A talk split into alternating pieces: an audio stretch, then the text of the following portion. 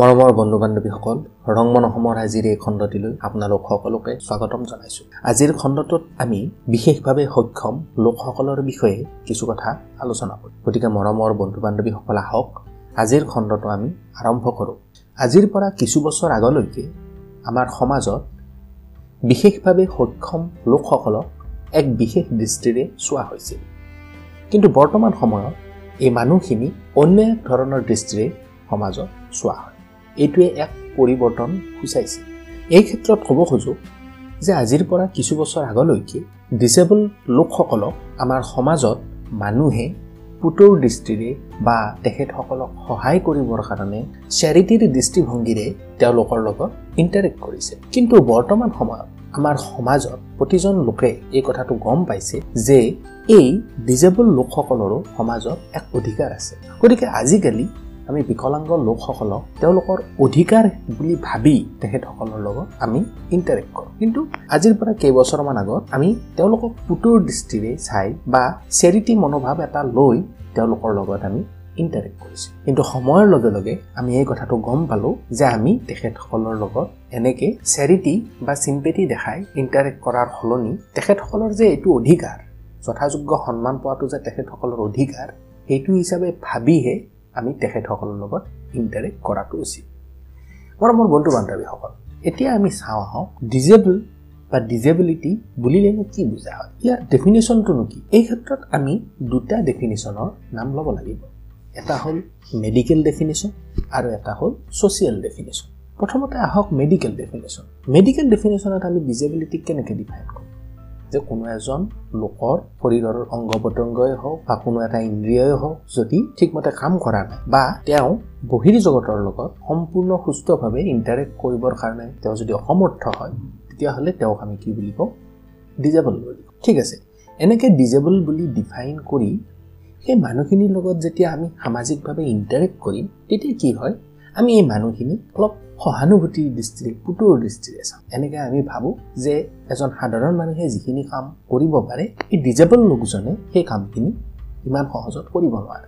সেইকাৰণে আমাৰ তেখেতসকলৰ ওপৰত পুতৌৰ জন্মে আৰু আমি তেখেতসকলক সহায় কৰোঁ পুতৌৰ মনোভাৱ লৈ বা চেৰিটিৰ মনোভাৱ। ইয়াৰ ফলত কি হয় সেই ডিজেবল লোকখিনিয়ে সমাজত সম্পূৰ্ণৰূপে নিজৰ সৰ্বোচ্চ উজাৰি দি পাৰ্টিচিপেট কৰিব নোৱাৰে। প্ৰতিটো মুহূৰ্ততে তেওঁৰ মনত এক সংকোচ ভাৱ হয়তো থাকিব পাৰে। কাৰণ আমি সমাজখনে তেওঁক লোকক এক বিশেষ দৃষ্টিৰে চাওঁ। ইয়াৰ ফলত সৃষ্টি হৈছে ডিজেবিলিটিৰ আন এক ডেফিনেশ্যন এইটো হ'ল ছ'চিয়েল ডেফিনেশ্যন ছ'চিয়েল ডেফিনেশ্যনটোৱে ইয়াকেই বুজাইছে যে আমি ছ'চিয়েলি মানুহখিনিক এক বিশেষভাৱে গণ্য কৰাৰ বাবে তেখেতসকলে হয়তো তেখেতসকলৰ সমৰ্থখিনি সম্পূৰ্ণৰূপে ব্যৱহাৰ কৰিব পৰা নাই আৰু সেইকাৰণে তেওঁ ডিজেবল গতিকে দুটা ডেফিনেশ্যনৰ কথা আমি এটা হ'ল মেডিকেল ডিজেবিলিটি আৰু এটা হ'ল ছ'চিয়েল ডিজেবিলিটি এতিয়া আমি চাওঁ আহক এই ডিজেবল লোকখিনিৰ বিষয়ে আমাৰ সমাজে কেতিয়া নতুনকৈ চিন্তা চৰ্চা কৰিবলৈ আৰম্ভ কৰিল এই ক্ষেত্ৰত ক'ব লাগিব যে ঊনৈছশ সত্তৰৰ পৰা আশীৰ দশকত এই ডিজেবল লোকখিনিৰ বিষয়ে মানৱ সমাজে এক নতুনকৈ ভাবিবলৈ আৰম্ভ কৰিলে। এইটো অকল ভাৰতবৰ্ষতে নহয় এই ৰিভলিউশ্যনটো অকল ভাৰতবৰ্ষতে অহা নাছিল গোটেই বিশ্বতে আহিছিল উদাহৰণস্বৰূপে ক'ব খোজোঁ যে ঊনৈছশ একাশী চনটো international year of disabled person বুলি পালন কৰা হৈছে। আৰু ইয়াৰ উপৰিও ঊনৈছশ তিৰাশী চনৰ পৰা সম্পূৰ্ণ এটা দশক এই ডিজেবল লোকসকলৰ কাৰণে উৎসৰ্গা কৰা হৈছিল। গতিকে ইয়াৰ পৰাই প্ৰমাণ পোৱা যায় যে অকল ভাৰতবৰ্ষতে নহয় সমগ্ৰ বিশ্বতে ডিজেবল লোকসকলৰ অধিকাৰ সম্পৰ্কে আমাৰ সমাজখন প্ৰায় ঊনৈছশ সত্তৰ চনৰ পিছৰ পৰা সজাগ আৰু সচেতন হ'বলৈ আৰম্ভ কৰিলে। আৰু ইয়াৰ লগে লগে সমগ্ৰ পৃথিৱীৰ লগতে ভাৰতবৰ্ষতো ডিজেবল লোকসকলৰ বাবে বিভিন্ন ধৰণৰ আইন প্ৰণয়ন প্ৰথা আৰম্ভ হ'ল। ভাৰতবৰ্ষত প্ৰথমে পাৰ্চনছ উইথ ডিজেবিলিটি এক্ট বুলি আইনখন প্ৰণয়ন কৰা হৈছিল ঊনৈছশ পঁচানব্বৈ চন। এই আইনখন মূলত ডিজেবল লোকসকলৰ নানান ধৰণৰ সুবিধাৰ কাৰণে এই আইনখন প্ৰণয়ন কৰা হৈছে কিন্তু এই আইনখনত এই সুবিধাসমূহ ডিজেবল লোকসকলৰ অধিকাৰ বুলি গণ্য কৰা হোৱা নাছিল। তেওঁলোকৰ ৱেলফেয়াৰৰ কাৰণে কৰা হৈছে কিন্তু অধিকাৰ বুলি গণ্য কৰা হোৱা নাছিল। আৰু ইয়াৰ পিছত দুহেজাৰ ষোল্ল চনত rights of persons with disability এক্টখন প্ৰণয়ন কৰা আৰু ইয়াত কি হ'ল? পুৰণা যিখন আইন আছিল ডিজেবল লোকসকলৰ অধিকাৰক যি স্বীকৃতি দিয়া হোৱা নাছিল এই নতুন আইনখনক ডিজেবল লোকসকলৰ অধিকাৰক স্বীকৃতি প্ৰদান কৰা হ'ল। আৰু দুহেজাৰ সোতৰ চনৰ পৰা সমগ্ৰ দেশতে এই আইনখন বলবৎ হৈছে। এই আইনখনে এইটোৱে বুজাইছিল যে আৰ্থিক আৰু সামাজিক সুৰক্ষাটো বিকলাংগ লোকসকলৰ এক অধিকাৰ। আমি ছ'চাইটিয়ে তেওঁলোকক চেৰিটি কৰি বা চিম্পেথি দেখাই দিবলগীয়া বস্তু নহয় এইটো হ'ল তেওঁলোকৰ এক অধিকাৰ। আৰু এই অধিকাৰক স্বীকৃতি প্ৰদান কৰিছিল rights of person with disabilities act two thousand sixteen মৰমৰ বন্ধু বান্ধৱীসকল এতিয়া আমি চাওঁ আহক ডিজেবল লোকসকলৰ বাবে যেতিয়া আমি পলিচি বনাওঁ তেতিয়া পলিচিবিলাক কেনেকৈ বনোৱা? এই ক্ষেত্ৰত ক'ব লাগিব দুটা এপ্ৰ'চ আছে। প্ৰথম এপ্ৰ'চটো হ'ল টাৰ্গেটিং আৰু দ্বিতীয় এপ্ৰ'চটো মেইন ষ্ট্ৰীম প্ৰথমতে হওক টাৰ্গেটিং যে পলিচি আমি কেনেকৈ বনাম আমি ডিজেবল লোকসকলক টাৰ্গেট হিচাপে লৈ পলিচি বনাম। এইটোৱে কি বুজাইছে? যে এনেকুৱাবিলাক পলিচি আমি বনাম যিয়ে ডাইৰেক্টলি ডিজেবলবিলাকক সহায় কৰে। তেওঁলোকৰ কল্যাণৰ কাৰণে আমি পলিচি বনাম। তেওঁলোকক আৰ্থ সামাজিক উন্নয়নৰ বাবে আমি পলিচি বনাম। নানান ধৰণৰ আঁচনি আনিম। এইবিলাক হ'ল ডাইৰেক্ট তেওঁলোকৰ কাৰণেই বনোৱা হৈছে। সেই লোকসকলৰ বাবেই বনোৱা হৈছে। এইটো অত্যাধিক ভাল কথা। কিন্তু চিন্তাবিদসকলে কৈছে যে এই পলিচি মেকিং ষ্ট্ৰেটেজিটো শ্বৰ্ট টাৰ্ম গ'লৰ কাৰণে ভাল হয়। কিন্তু লং টাৰ্ম গ'লৰ কাৰণে এইটো ভাল নহয়। শ্বৰ্ট টাৰ্ম গ'লৰ কাৰণে এইটো অতিকে দৰকাৰী কাৰণ সদ্যহতে ডিজেবল লোকসকলক আমি সা সুবিধাবিলাক দিব লাগিব। গতিকে তেওঁলোকক টাৰ্গেট কৰি আমি পলিচি কিছুমান বনাব লাগিব। গতিকে এইটো শ্বৰ্ট টাৰ্ম গ'লৰ কাৰণে ঠিক আছে। কিন্তু লং টাৰ্ম গ'লৰ ক্ষেত্ৰত এইটো আমি অলপ বেলেগ দৃষ্টিৰে চাব লাগিব লং টাৰ্ম গ'লৰ ক্ষেত্ৰত আমি কি চাব লাগিব? আমাৰ সাধাৰণ লোকসকলৰ বাবে যিবিলাক পলিচি বনোৱা হয় সেইবিলাকক আমি ডিজেবল লোকসকলকো ইনক্লুড কৰিব লাগে। এইটো হ'ল ছেকেণ্ড মেথড অৰ্থাৎ মেইন ষ্ট্ৰিমিং মেথড তাৰ অৰ্থ এইটোৱে হ'ল যে এই ডিজেবল লোকখিনিকো সাধাৰণ মানুহৰ শাৰীৰে আমি আনি তেওঁলোকৰ কথাও আমি চিন্তা কৰি যেতিয়া আমি জেনেৰেল পলিচি বনাম তেতিয়াহ'লে আমি এনেকৈ বনাব লাগিব ডিজেবল লোকসকলৰ কথা চিন্তা কৰিও আমি তেখেতসকলৰ সহায় সুবিধা হোৱাকৈ আমি জেনেৰেল পিপলৰ কাৰণে পলিচি বনাব লাগিব এইটো হ'ল মেইন ষ্ট্ৰিমিং প্ৰচেছ আৰু এইটোৱে লং টাৰ্মত আটাইতকৈ বেছি কাক সহায় কৰিব?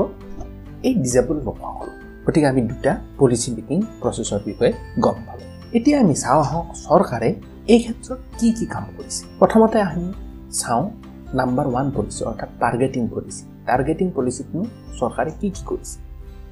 প্ৰথমতে ক'ব লাগিব চৰকাৰে এই ডিজেবল লোকসকলক টাৰ্গেট কৰি আইন প্ৰণয়ন কৰিছে। সেই আইনখন আমি অকণমান আগতে কৈ উঠিলোঁ। সেইখন হ'ল rights of person with disability act two thousand sixteen এইখন সাধাৰণ মানুহৰ কাৰণে নহয় এইখন কেৱল সেই ডিজেবল লোকসকলক টাৰ্গেট কৰিয়ে বনোৱা হৈছে। ইয়াৰ উপৰিও এই ডিজেবল লোকসকলৰ সহায় সুবিধাৰ কাৰণে বিভিন্ন ধৰণৰ নেশ্যনেল বডি চৰকাৰে বনাইছে। ইয়াৰ উদাহৰণ কিছুমান হ'ল department for the empowerment of persons with disabilities under ministry of social justice and empowerment আনখন ইনষ্টিটিউট হ'ল national trust for the welfare of persons with autism, cerebral palsy, mental retardation, and multiple disabilities. আন এখন institute হ'ল national institute for empowerment of persons with multiple disability লগতে আছে rehabilitation council of India ইত্যাদি ইত্যাদি এতিয়া আমি চাওঁ আহক দ্বিতীয়টো পলিচি মেকিং ষ্ট্ৰেটেজি অৰ্থাৎ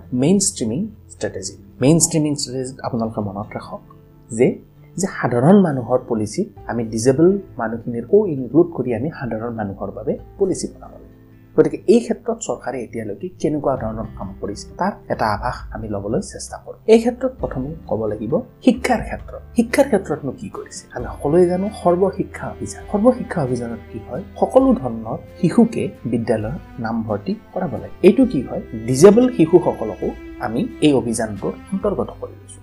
কিয়নো তাহানিকালত এনেকুৱা আছিল যে ডিজেবল শিশুসকলক বহুত শিক্ষানুষ্ঠানে শিক্ষা দিবলৈ অমান্তি হৈছিল কিন্তু এই সৰ্বশিক্ষা অভিযানৰ ফলত কি হ'ল যে সকলো শিশুকে এডমিশ্যন স্কুলত দিবই লাগিব। গতিকে এইটো হ'ল এটা ইনক্লুচিভ প্ৰচেছ আৰু দুহেজাৰ বিছ চনত যিটো নতুন শিক্ষা আইন প্ৰণয়ন হ'ল এই নতুন শিক্ষা আইনখনো ডিজেবল লোকসকলৰ কথা সম্পূৰ্ণৰূপে ইনক্লুড কৰিয়ে এই নতুন শিক্ষানীতিটো প্ৰণয়ন কৰা হৈছে। লগতে ভাৰত চৰকাৰে ডিজেবল লোকসকলক উৎসাহিত কৰিবৰ কাৰণে বিভিন্ন ধৰণৰ স্কলাৰশ্বিপ ইত্যাদি দিয়াৰ ব্যৱস্থা কৰিছে শিক্ষাৰ। গতিকে এই আটাইখিনিকে আমি ক'ব পাৰোঁ যে ভাৰত চৰকাৰে শিক্ষাৰ ক্ষেত্ৰত ডিজেবল লোকসকলক মেইন ষ্ট্ৰীমলৈ অনাৰ বাবে এনেকুৱা ধৰণৰ কামবিলাক কৰিছে। এতিয়া আমি চাওঁ আহোঁ চেনিটেশ্যনৰ ক্ষেত্ৰত চৰকাৰে কি কি কাম কৰিছে। আমি সকলোৱে এই কথাটো স্বীকাৰ কৰিব লাগিব যে ডিজেবল লোকসকলৰ এটা আটাইতকৈ ডাঙৰ প্ৰত্যাহ্বান হ'ল তেওঁলোকৰ চেনিটেশ্যন প্ৰচেছটো তেওঁলোকৰ টয়লেটৰ ছিষ্টেমটো এই টয়লেট ছিষ্টেমটো অতি সহজভাৱে একচেচেবল হ'ব লাগে ডিজেবল লোকসকলৰ বাবে। গতিকে এই ক্ষেত্ৰত চৰকাৰে কি কৰিছে প্ৰধানমন্ত্ৰী আৱাস যোজনাৰ জৰিয়তে যিবিলাক টয়লেট বনাইছে কাৰোবাৰ ঘৰত যদি ডিজেবল লোক আছে গতিকে এই ডিজেবল লোকৰ ইজি একচেছ হ'ব পৰাকৈ টয়লেটবিলাক বনাবৰ কাৰণে নিৰ্দেশ দিছে। গতিকে এইটোৱে কি সূচাইছে যে ডিজেবল লোকসকলৰ কথা ভাবিও আমাৰ চেনিটেশ্যন চেক্টৰটো ডিজেবল ফ্ৰেণ্ডলি কৰি ডেভেলপ কৰিব পাৰিছোঁ। ইয়াৰ পিছত আহিল বেংকিং একচেচিবিলিটি সাধাৰণ লোকসকলৰ দৰে ডিজেবল লোকসকলে বেংকৰ সা সুবিধাসমূহ যাব নোৱাৰে। সাধাৰণ লোকসকলে বহুত দীঘল দীঘল লাইনত থিয় হৈ বেংকত যায়। কিন্তু ডিজেবল লোকসকলৰ কাৰণে আৰু বয়স্ক লোকসকলৰ বাবে এইটো সম্ভৱ নহয়। সেইকাৰণে ভাৰতীয় ৰিজাৰ্ভ বেংকে এইটো নটিচ সকলো বেংককে জাৰি কৰিছে যে ডিজেবল লোকসকলৰ বাবে আৰু বয়স্ক লোকসকলৰ বাবে এক বিশেষ কাউণ্টাৰ থাকিব লাগিব। যাতে তেওঁলোকৰ কোনো অসুবিধা নহয়। সাধাৰণ লোকৰ কাউণ্টাৰত যাতে তেওঁলোক শাৰী পাতি থিয় হ'ব নালাগে। তেওঁলোকৰ বাবে যাতে বিশেষ কাউণ্টাৰ থাকে। গতিকে এনেকুৱা এক সুবিধা ভাৰতীয় ৰিজাৰ্ভ বেংকে কৰিছে। এতিয়া কথা হ'ল কোনো কোনো বেংকে যদি এই সুবিধাসমূহ দিয়া নাই আৰু কোনো মানুহেই যদি এই বিষয়ে ৰিজাৰ্ভ বেংকক অৱগত কৰায় তেতিয়াহ'লে ৰিজাৰ্ভ বেংকে সেই নিৰ্দিষ্ট বেংকটোক নটিচ জাৰি কৰিব পাৰিব যে আপোনালোকে এই সুবিধাখিনি মানুহক দিয়ক। ইয়াৰ উপৰিও নেট বেংকিং মোবাইল বেংকিং ইত্যাদিৰ সুবিধাৰ কাৰণেও ৰিজাৰ্ভ বেংকে নানান ধৰণৰ নীতি নিৰ্দেশনা জাৰি কৰিছে। তাৰপিছত আমি চাওঁ আহক দৰিদ্ৰতা নিৰ্মূলৰ বাবে চৰকাৰে কি কি পদক্ষেপ হাতত লৈছে? দৰিদ্ৰতা নিৰ্মূল এই ডিজেবল লোকসকলৰ দৰিদ্ৰতা নিৰ্মূল বিষয়ে ইয়াত কোৱা হৈছে। কি কি পদক্ষেপ হাতত লৈছে? এই ক্ষেত্ৰত আমি ক'ব পাৰোঁ যে নেশ্যনেল ৰুৰেল লাইভলিহুড মিছন এই মিছনখনৰ জৰিয়তে ডিজেবল লোকসকলকো সম্পূৰ্ণৰূপে সামৰি লোৱা হৈছে আৰু তেওঁলোকক স্বাৱলম্বনৰ পথ দিবৰ কাৰণে যৎপৰণাস্তি চেষ্টা কৰা হৈছে যাতে ডিজেবল লোকসকলে এক ডিগনিফাইড লাইফ যাতে তেওঁলোকে জীয়াব পাৰে। মৰমৰ বন্ধু বান্ধৱীসকল এতিয়া আমি চাওঁ আহক এই আলোচনাটোৰ পৰা আমি কেনেকুৱা ধৰণৰ কি কথা কনক্লুড কৰিব পাৰি প্ৰথমতে আমি ক'ব লাগিব যে ডিজেবল লোকসকলক যি সহায় সুবিধাৰ কাৰণে যিবিলাক পদক্ষেপ হাতত লোৱা হৈছে এই পদক্ষেপবিলাকক আমি এনেকৈ ভাবিব নালাগিব যে এইবিলাক চেৰিটিৰ কাৰণে কৰা হৈছে চিম্পেটিৰ কাৰণে কৰা হৈছে। এইটো এই মানসিকতাটো আমি সলনি কৰিব লাগিব। আমি এনেকৈ ভাবিব লাগিব যে সা সুবিধাসমূহ তেওঁলোকৰ অধিকাৰ। ইয়াৰ উপৰিও আমি আমাৰ সকলোবিলাক ইনফ্ৰাষ্ট্ৰাকচাৰ স্কুল কলেজেই হওক বাছ ষ্টপেজ ৰেল ষ্টেচন এই গোটেইবিলাক ডিজেবল ফ্ৰেণ্ডলি ইনফ্ৰাষ্ট্ৰাকচাৰ গঢ়ি তুলিব লাগে যাতে ডিজেবল লোকসকলে ইজি একচেছ এইবিলাকত কৰিব পাৰে। আৰু জব এইবিলাক ক্ষেত্ৰতো তেওঁলোকৰ কাৰণে এক বিশেষ সা সুবিধা থাকিব লাগিব যাতে ডিজেবল লোকসকল কাৰো ওপৰত ওচৰত ডিপেণ্ডেণ্ট হৈ থাকিব লাগে তেওঁলোক যেন আত্মনিৰ্ভৰ হ'ব পাৰে তাৰ কাৰণে আমি সকলোৱে চিন্তা কৰিব লাগিব মৰমৰ বন্ধু বান্ধৱীসকল আজিৰ খণ্ডটোত আমি বিশেষভাৱে সক্ষম লোকসকলৰ বিষয়ে কিছু কথা আলোচনা কৰিলোঁ আশা কৰিলোঁ আপোনালোকে এই খণ্ডটো শুনি ভাল পালে।